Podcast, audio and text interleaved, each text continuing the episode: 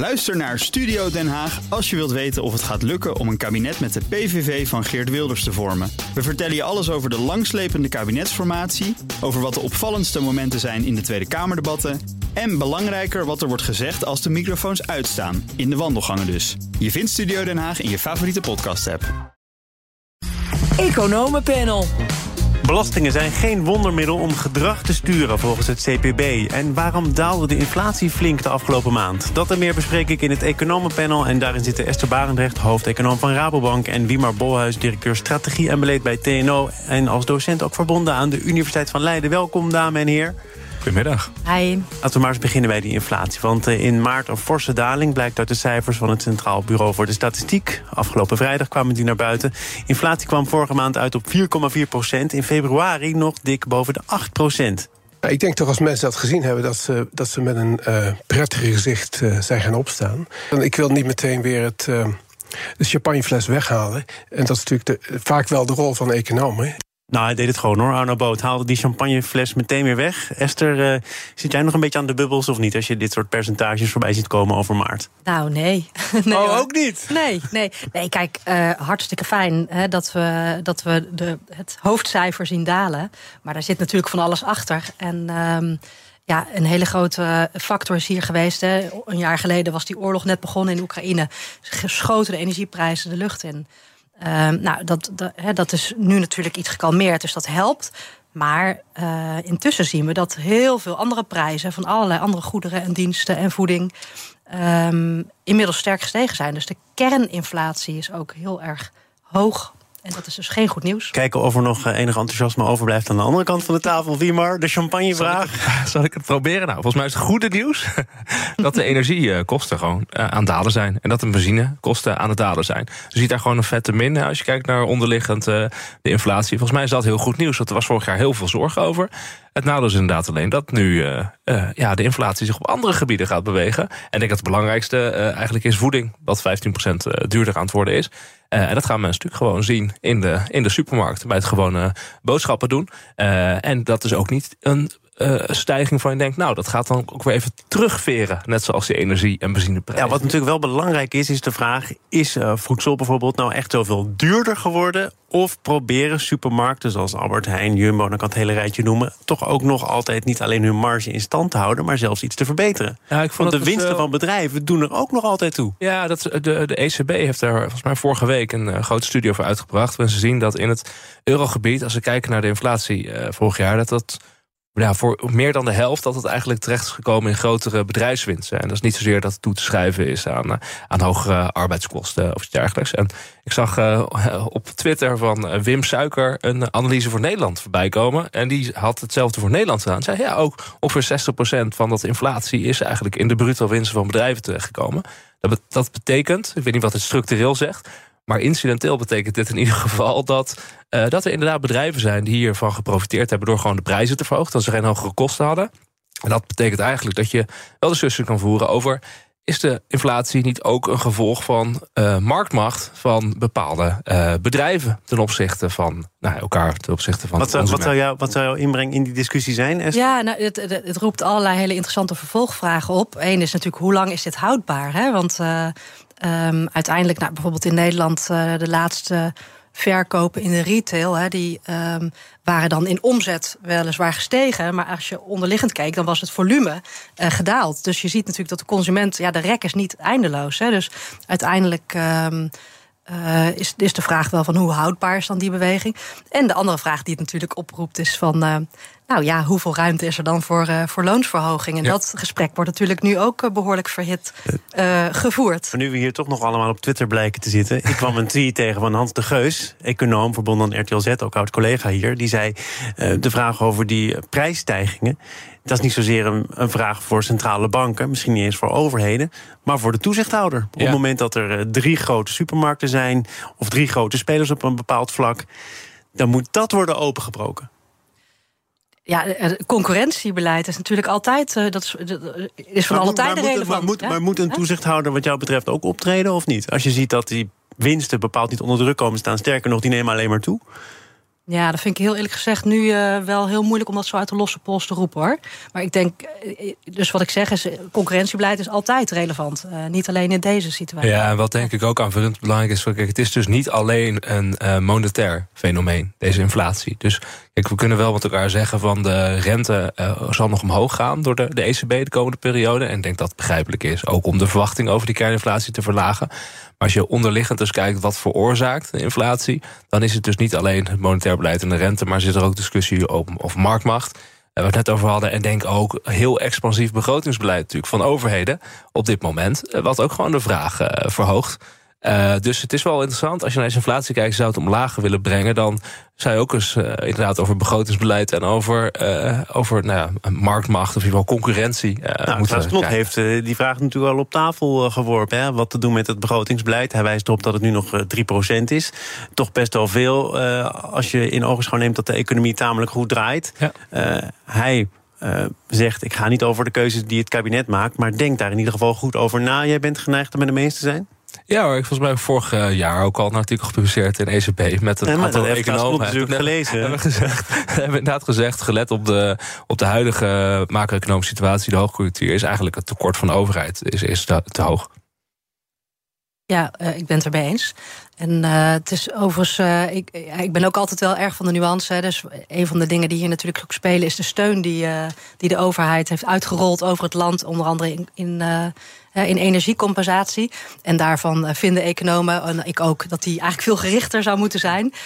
tegelijkertijd zit Den Haag met de, met de handen in het haar, omdat ze daar gewoon een heel groot uitvoeringsprobleem hebben. dus ik denk soms is, is het ook niet alleen maar Um, dat de wil er niet is, maar dat het ook gewoon heel erg lastig is om dingen goed vorm te geven. Uh, het, het, gaat, en jij haalde dat aan, ook om de verwachting van inflatie. Uh, zeker ook bij uh, burgers zelf natuurlijk. En dan gaat het in dit economenpanel en in dit programma heel vaak over de kerninflatie.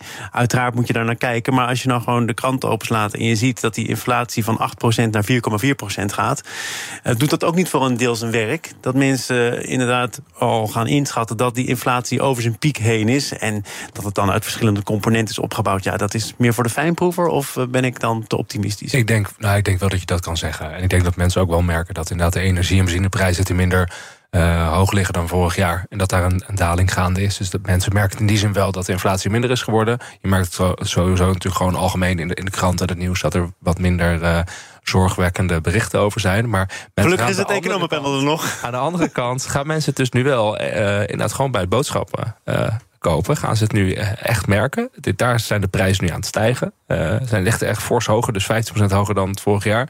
En wat de SWA klopt natuurlijk, van ja, op er zitten nu ook looneisen in het vat.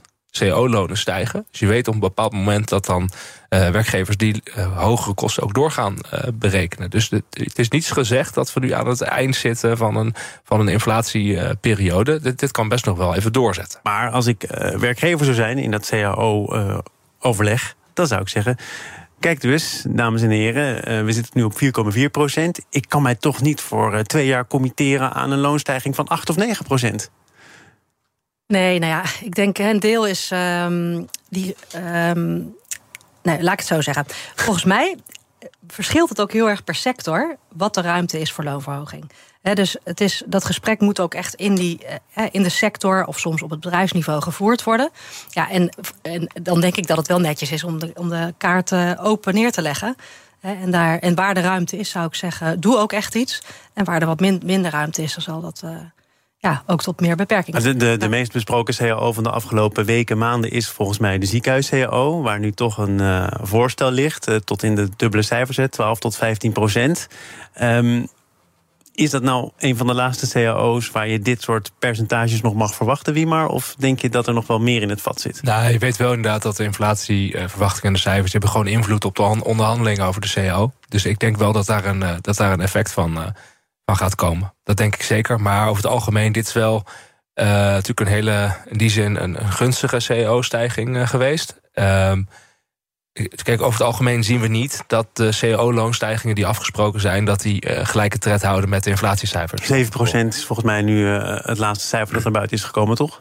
Uh, ik heb er 6% gehoord, maar laat, zoiets. Hè? Maar in ieder geval, dan denk je van ja, netto, uh, reëel, sorry, uh, is dan nog steeds gewoon een, een, een verlies geweest. Hè? Dus in die zin, uh, ja, ik denk dat we even moeten oppassen om nu te doen alsof in Nederland de verhoudingen, zeg maar, tussen de, arbeidsverhoudingen zo zijn dat het heel gemakkelijk is dat de vakbonden even alle inflatie gaan compenseren aan de CO-onderhandelingstafel. Dat gaan we denk ik niet zo snel zien. Het kwam aan deze tafel al eerder aan de orde. Het is niet alleen maar monetair beleid, maar er ligt natuurlijk nog wel een schone taak voor de ECB om die inflatie weer richting de 2% te krijgen. Nou, dat is nog wel eventjes uit zicht. Hè. Ze hebben ook wel wat uh, tijd nodig om daarbij in de buurt te komen. En toch was er dit weekend in het FD al een uh, uitgebreider stuk van Matthijs Bouwman. Die zei het zou toch zonde zijn als de ECB de economie, die er ondanks alles nog redelijk voor staat, nu om zeep gaat helpen door in zijn optiek uh, onnodig nog weer eens stevig dat de renteinstrument in te gaan zetten.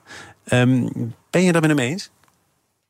Ja, ik, volgens mij is het heel erg lastig om precies te weten hè, wanneer zit je op het goede niveau van de rente. En um, dat is ook voor de ECB heel lastig. En ze hebben natuurlijk de rente al stevig verhoogd. En wat dat allemaal, hoe dat zeg maar de, de reële economie uiteindelijk beïnvloedt. Ja, een stuk daarvan moeten we nog zien gaan gebeuren.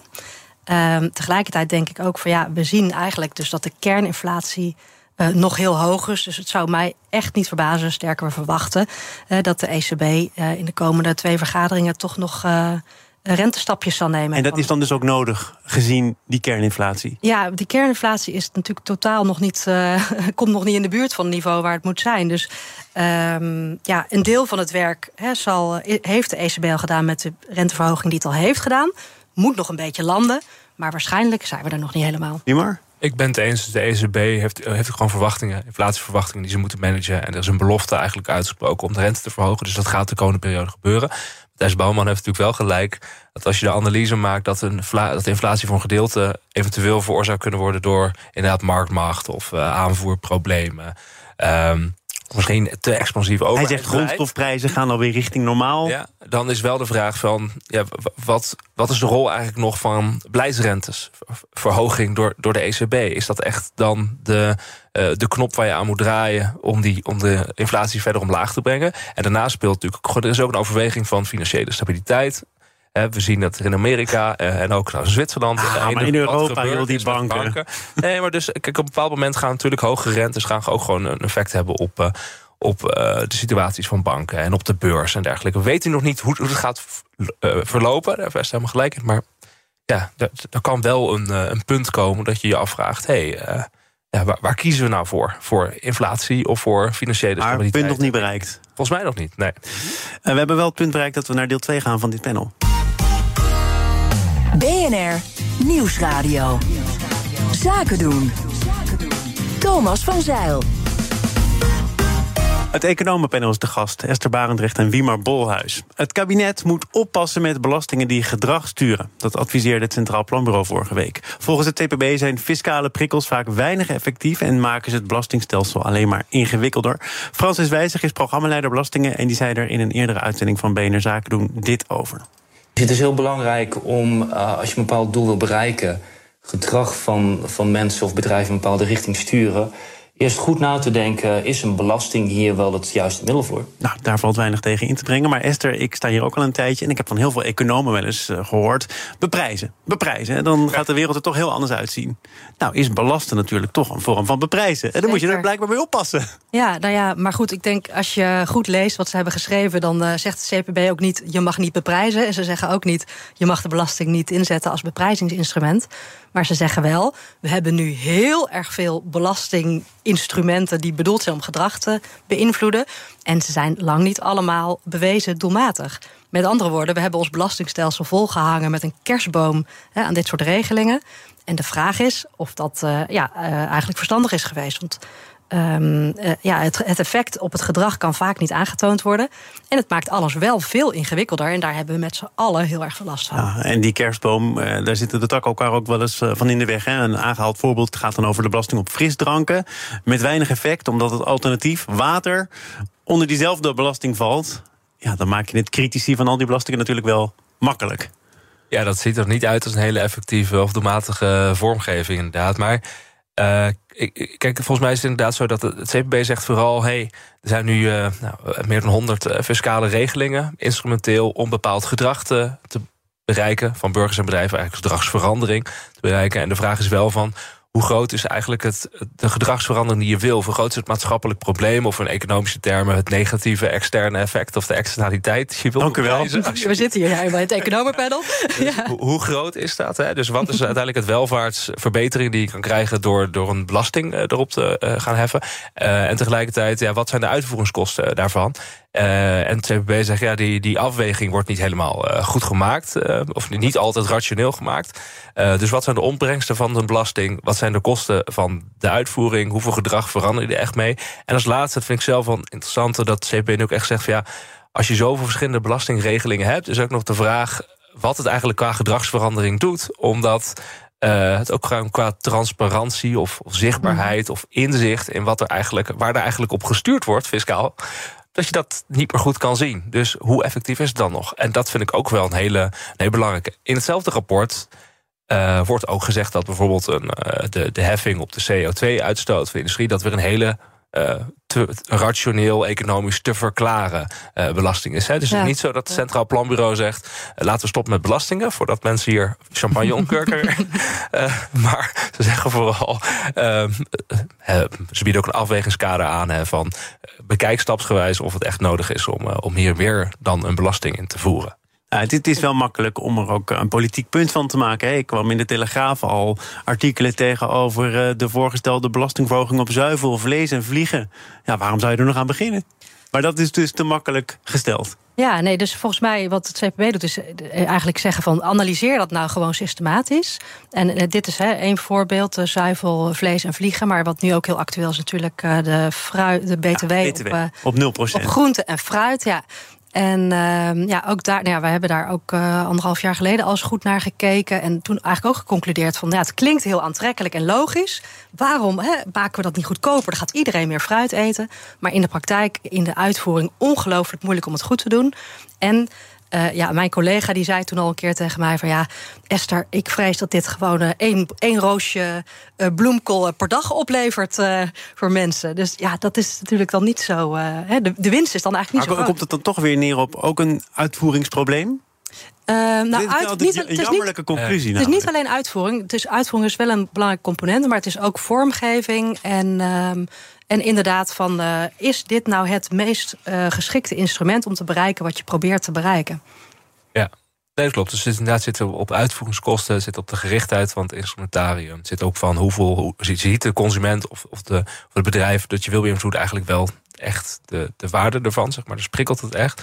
En, maar eens, hè, wat volgens mij een hele belangrijke implicatie van dit rapport is, is dat het Centraal Planbureau eigenlijk zegt: kijk, we staan als Nederland voor allemaal grote transities, of als wereld. Hè. Dus de, nou, we hoeven het niet allemaal te noemen, maar energietransitie ja. um, is natuurlijk een grote. Het zijn natuurlijk dan veel vragen. Economen denken vaak bij transities, dan moet je maar beprijzen. En dan moet je maar belastingen en gaan heffen. En ik denk dat nu dit rapport eigenlijk zegt... denk ook na over bijvoorbeeld regulering en over normeren. Misschien is dat eigenlijk dan toch wel... als je de hele kostenbatenanalyse maakt... een uh, betere uh, afweging om te maken. En dat is wel, denk ik... Uh, ja, vind ik eigenlijk wel, dat is wel een hele belangrijke boodschap. We gaan het nog over zo'n uh, transitie hebben. Want banken moeten harder aan hun klimaatdoelen werken. Banken zitten wel stappen, maar het gaat te traag. Opvatting van Frank Elderson, directielid van de Europese Centrale Bank. Vorige week op een bijeenkomst van de Foreign Bankers Association in Artis. Voor 2024 moet elke bank een risicoanalyse over hun klimaatrisico inleveren. Esther, jij uh, werkt voor Rabobank, maar dat voorafgaand even gesteld. Jij kunt je niet echt uitlaten over welke stappen er bij de bank wel of niet worden gezet, toch? Nou ja, ik heb gewoon niet het volledige overzicht over uh, het risicobeleid of het klimaatbeleid. Hè. Dus uh, um, ja, daar, daar, daar moet je dan iemand anders voor uitnodigen. Maar bijvoorbeeld vanuit oh. de research-tak dragen wij er wel aan bij. Hè? Dus, uh, Voldoende dan? Want Frank Elderson ja, was behoorlijk kritisch. ja, wij werken ontzettend hard.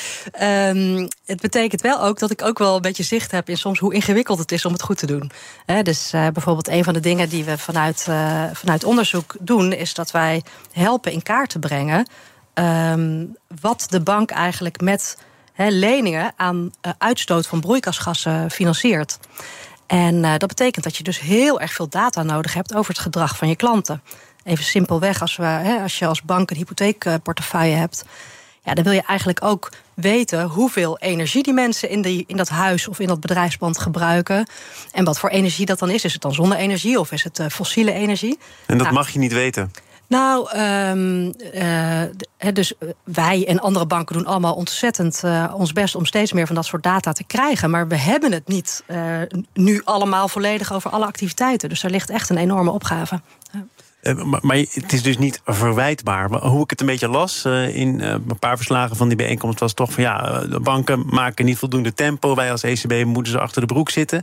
Maar het ontbreekt dus aan data. Het ontbreekt ook nog aan een werkend model om überhaupt die risicoanalyse goed te kunnen maken. Ja, dus ook het modellen die zijn allemaal volop in ontwikkeling. En wat je daar um, denk ik belangrijk is, is uh, een aantal dingen. Eén is natuurlijk, ja, je moet opeens ander soort variabelen in je risicomodellen gaan stoppen. Vroeger was vooral uh, belangrijk, kan de klant terugbetalen? Met andere woorden, verdienen ze genoeg? Hè? Maar nu wil je ook weten, goh, uh, hebben ze geen overstromingsrisico? Of gaan ze last krijgen van droogte? Voor een voedsel- en agribank natuurlijk heel erg relevant. Of um, zijn ze heel erg energieintensief en kunnen misschien de energieprijzen um, nog heel erg gaan stijgen in de toekomst? Al dat soort vraagstukken, daar wil je eigenlijk ook variabelen voor in je modellen stoppen. Nou, dat is gewoon niet 1, 2, 3 gebeurd. Er wordt wel heel hard aan gewerkt. En um, ja, dat, dat, dat zijn een paar voorbeelden. Kan TNO nog een beetje helpen? Uh, nou, sterker nog, oh. wij werken samen met TNO uh, om uh, dit soort dingen boven water te krijgen. Ja. Nou, het is wel interessant. Je merkt inderdaad dat. Uh, het doet mij bijvoorbeeld denken aan grote pensioenfondsen, gewoon pensioenfondsen in het algemeen, die natuurlijk ook steeds meer uh, duurzaam uh, willen beleggen, bijvoorbeeld. Hè? Uh, en zelfs ook direct willen investeren in, in, in, duurzame projecten. en die hebben er ook veel kapitaal beschikbaar. Maar ja, hoe maak je dan eigenlijk de, de risico-inschatting van een, van een groot project? Um, heb je inderdaad een heel ander soort data, heel ander soort kennis voor nodig dan dat je vroeger nodig had als, als dit, dan dit gewoon een pensioenfonds of een bank. Dus je moet ook nieuwe uh, samenwerkingen gaan opstarten om, uh, om, om dit soort kennis en data te delen. Vanuit TNO is het zo dat als wij kunnen helpen, dat we dat natuurlijk altijd heel graag doen. Zowel voor banken als voor pensioenfondsen. Um, en uh, ja, ik, ik, maar dit is natuurlijk iets wat groot gaat worden de komende, de komende paar jaar. Er zijn er ook, het is een hele principiële vraag tot slot... die een kort antwoord uh, slechts oh, verdient. Maar deelnemers van pensioenfondsen die zeggen... joh, let vooral op het rendement. Je bent er toch voor mij, voor mijn pensioen. Zo zijn er ook mensen die zeggen... banken, uh, ook Europese centrale banken, klimaat. Ik uh, lees er niks over in Maastricht, het verdrag. Ja, dus, dus ja, ja, ik vind, ja. ja. ik vind dat echt onterecht. Want het is natuurlijk wel degelijk gewoon een risico in de economie. En dus ook voor de financiers van de economie. Het is dus ook je, lang, je langetermijn risico om dus geen rendement meer te halen. Of zelfs een negatief rendement te halen. Omdat je geen rekening houdt met de risico's van uh, klimaat, milieu, diversiteit, biodiversiteit. Dat, dat, dat zit er ook in. Hè? Dus je kan wel opnieuw op korte termijn zeggen: hey, misschien gaat mijn rendement wat omlaag. Maar als je het niet doet, is het niet veranderd. Gaat op lange termijn, dan heb je helemaal geen rendement meer. Um, dat korte antwoord. Dank daarvoor. Esther Barendrecht, hoofdeconoom van Rabobank. Wiermer Bolhuis, directeur strategie en beleid bij TNO, docent aan de Universiteit van Leiden. Dank voor jullie bijdrage. Hoi. Dit panel is trouwens te beluisteren als podcast. Abonneer je dus vooral even via je favoriete kanaal of via de BNR-app. En ik sluit dit half uur af met berekend nieuws uit het radiolandschap. Radio Veronica wordt overgenomen door Mediahuis. Het moederbedrijf van onder meer de Telegraaf. Dat heeft Talpa, de huidige eigenaar van Radio Veronica, zojuist bekendgemaakt. Zometeen uh, gaat het ook over een nieuwe start dan die van Lightyear. Bij BNR ben je altijd als eerste op de hoogte van het laatste nieuws. Luister dagelijks live via internet. Bas van Werven. En heel langzaam komt de zon op rond dit tijdstip. Je krijgt inzicht in de dag die komt op BNR, het Binnenhof in Nederland en de rest van de wereld. De Ochtendspits. Voor de beste start van je werkdag. Blijf scherp en mis niets.